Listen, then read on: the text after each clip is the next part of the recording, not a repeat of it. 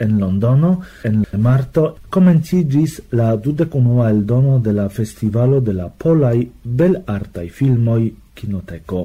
La evento organizita de la Pola Kulturinstituto en Londono subtene de la Pola Instituto de la Filmarto dauros gis la 27 de aprilo. La filmoi estas dividitaj je tem temsekcioj. En la sekcio Nova Pola Kinoarto oni presentas ses filmoin el 2012, neniam gis nun presentitain el Britio. En la retrospecta sekcio estis planitai ec dec kvar filmoi de Jerzy Skolimowski, pretigitai cune kun la Brita Film Instituto. En la uniara film festivalo trovigas crome la sekcioj Film Klasiko, Muziko en la filmo, Arto kaj Filmo. La unuan foion oni proponas la film tradigardon X-Rospace, kiu rilatas al la sfero de pliigita realo Augmented Reality. Cadre de Kinoteko okazos ankaŭ i pri animado,